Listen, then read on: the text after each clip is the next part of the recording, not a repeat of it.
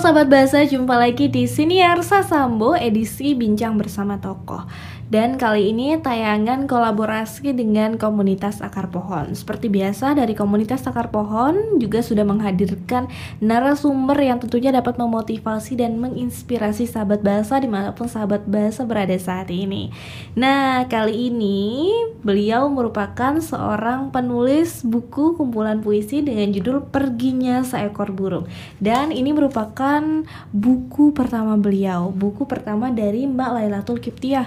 Tapi ternyata sahabat bahasa walaupun ini buku pertama beliau beliau sudah mulai menulis bahkan sejak tahun 2007 wah cukup lama loh Mbak Laila bergerak di dunia karya sastra dan tentunya ternyata Mbak Laila juga sekarang pasangannya juga seorang penulis dan yang menghasilkan karya-karya sastra seperti puisi dan cerpen. Nah, Mbak Laila sebelum kita membahas tentang eh, buku Perginya Seekor Burung, boleh nggak dikasih gambaran sedikit nih, sahabat bahasa? Buku Perginya Seekor Burung ini berisi kumpulan-kumpulan puisi tentang apa nih, Mbak Laila? Oke, Perginya Seekor Burung itu puisi yang banyak di situ saya bercerita tentang domestik udah di wilayah rumah tangga wilayah yang sangat apa namanya dekat lah dekat dengan saya. Termasuk kan kebetulan saya di rumah kan tidak mobile bukan orang yang mobile gitu. Cerita tentang sehari-hari cerita tentang bagaimana pengalaman saya menjadi ibu gitu. Terus uh, ada juga kisah tentang ingatan kenangan kepada kampung halaman. Itu saya apa namanya yang wilayah agraris kebetulan saya dari kecil saya akrabi itu ayah saya almarhum itu seorang petani sejati.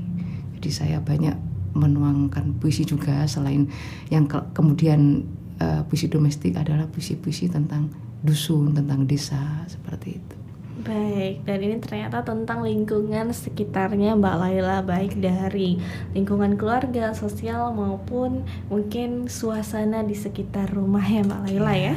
Perginya seekor burung. Nah, puisi-puisi ini membahas jadinya tentang keluarga juga kebanyakan salah satunya tentang anaknya Mbak Laila yang diberi nama Kigo. Yeah. Nah, apakah Kigo ini pada akhirnya banyak memberikan pengaruh di dalam buku Mbak Laila sehingga Mbak Laila mungkin ada menuliskan tentang Kigo di dalam puisi-puisi ini? Iya. Jadi ketika saya tahu tuh saya hamil itu itu suatu kayak keajaiban ya. Terus kemudian saya menjadi seorang ibu.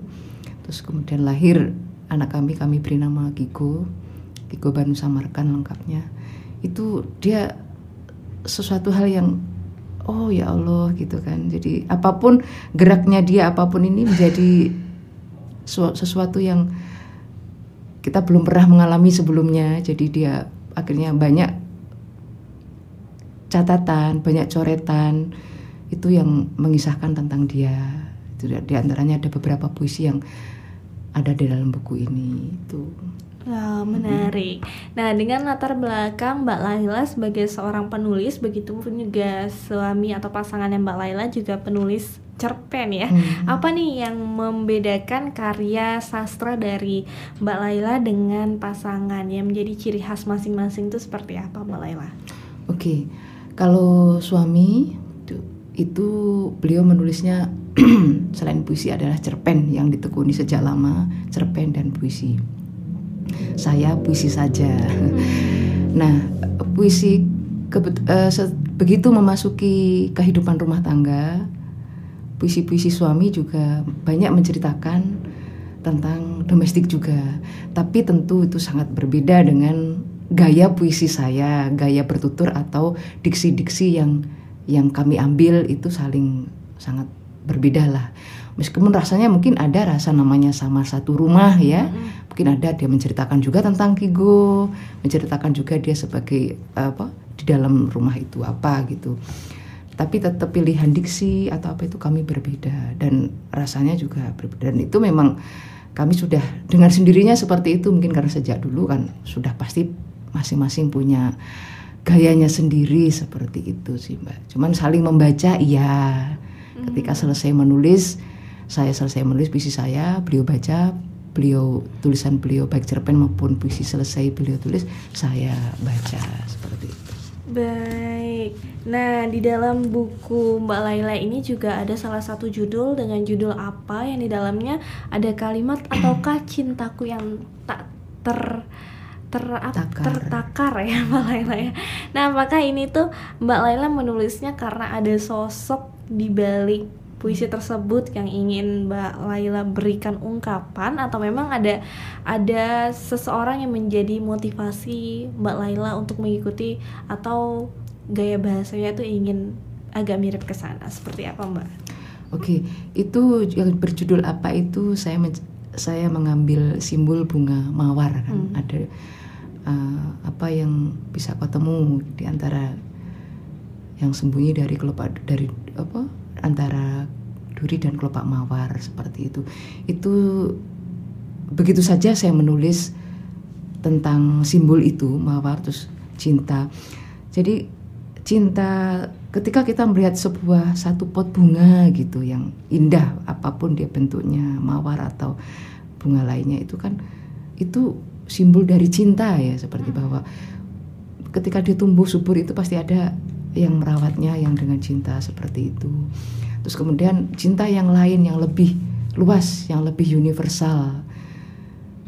Saya tidak kepada sosok seseorang tertentu siapa dia tidak saya tidak tidak ke sana eh, pikiran saya maupun tulisan saya saya tidak mengacu ke seseorang tersebut tapi kepada lebih ke cinta yang luas yang jadi ap- apa saja itu di di mana saja itu ada cinta misalkan hal yang seperti itu. Terus ada kalau nggak saya nulis ke lari terakhir itu eh, kelenjar demi kelenjar. Itu saya saya tertarik kata kelenjar itu dari karya puisinya Pak Zawawi Imron pe- penyair besar Madura itu. Beliau menulis ada puisi pendeknya yang ada beliau menyebut kata kelenjar juga. Nah itu saya terinspirasi sekali dari situ terus saya ambil saya gunakan kata kelenjar itu di pada puisi saya ini yang kok sepertinya ber eh, apa namanya bersambung dengan eh, lari di atasnya apa seperti itu sih saya Baik. Nah, kalau melihat lagi kilas balik dari profil atau biografinya Mbak Laila, ternyata Mbak Laila juga sudah menulis puisi sejak lama, tapi baru menerbitkan puisinya pada tahun 2020 ya Mbak Laila. 2020, betul. Nah, kenapa nih nggak dari dulu aja puisinya itu dijadikan kumpulan puisi yang tertuang dalam buku? Kenapa baru tahun 2020 bukunya ini terbit? Padahal ini karyanya juga bagus, pemilihan karyanya sederhana dan mudah dipahami. Gimana Mbak Laila menjelaskannya? Oke, saya termasuk sebenarnya saya malu sih Mbak. Jadi saya menulis, menulis dan menulis aja terus terus terus belajar untuk menulis yang lebih agak genah lah, lebih lebih ada pro, ada kemajuan lah dalam puisi saya tuh dari waktu ke waktu, dari waktu ke waktu. Saya saya pengennya seperti itu, nggak nggak memikirkan untuk kapan buku saya terbit, nggak nggak nggak pernah begitu, nggak pernah terlintas seperti itu.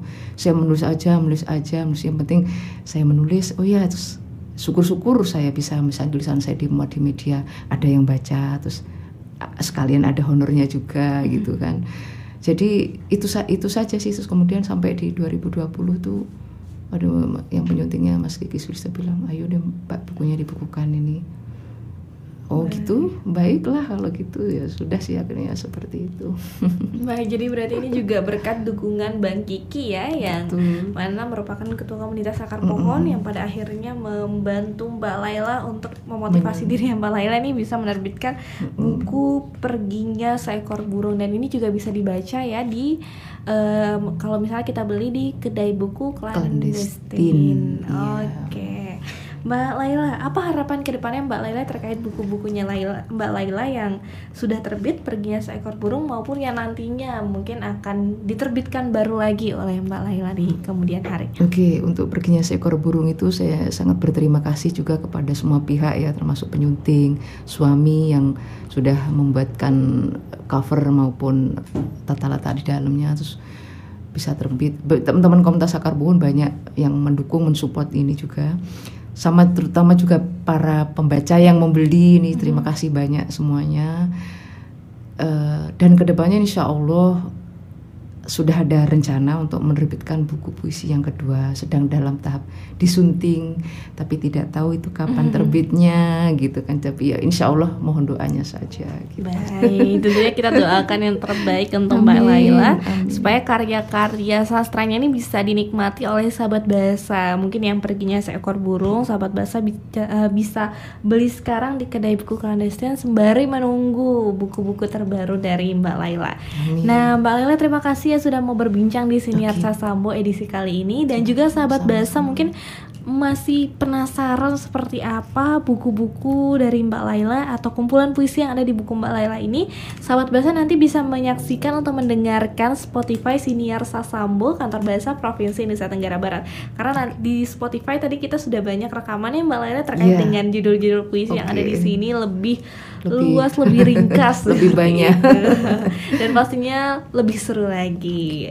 Baik sahabat bahasa, terima kasih sudah menyaksikan Siniar Sasambo edisi Bincang bersama Tokoh kolaborasi dengan komunitas Takar Pohon. Terima kasih juga sekali lagi Mbak Laila sudah hadir di sini. Kembali. Semoga Sama -sama bisa menginspirasi dan memotivasi sahabat bahasa yang menyaksikan tayangan Insya Allah. ini. Wabillahi taufiq walhidayah. Wassalamualaikum warahmatullahi wabarakatuh. Sampai jumpa. Nah, sahabat bahasa, itu tadi tayangan Senior Sasambo edisi kali ini. Gimana? Seru kan? Nah, maka dari itu sahabat bahasa jangan lupa untuk berlangganan kanal YouTube Kantor Bahasa Nusa Tenggara Barat. Sukai video yang kamu pilih, berikan komentar dan nyalakan lonceng pemberitahuan supaya kamu tidak ketinggalan video-video terbaru dari Kantor Bahasa Nusa Tenggara Barat. Tadi video-video yang kamu saksikan juga kamu dengarkan dan saksikan melalui SoundCloud dan Spotify Siniar Sasambo. Jangan sampai terlewat ya. Dah.